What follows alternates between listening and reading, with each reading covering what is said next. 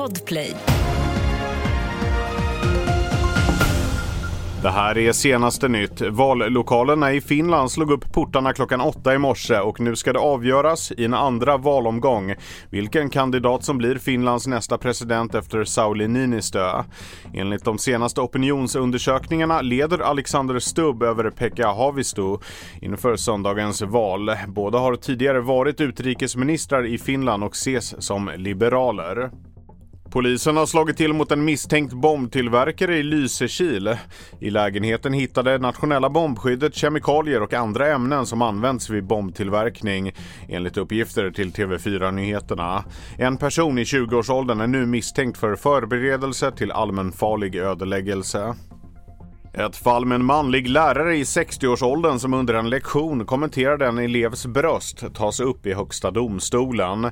Händelsen inträffade på en västsvensk skola våren 2022. Läraren utbrast “Oj vilka stora bröst du har” när en 15-årig flicka testade ett tyngdlyftarbälte. Mannen har uppgett att han var utarbetad vid tillfället och att det inte fanns något sexuellt uppsåt. Men han anmäldes och dömdes i både tingsrätt och hovrätt för sexuellt ofredande. Nu ska HD pröva vad som krävs för att ett yttrande ska anses ha en så tydlig sexuell prägel att det är straffbart. Mer nyheter hittar du på tv4.se.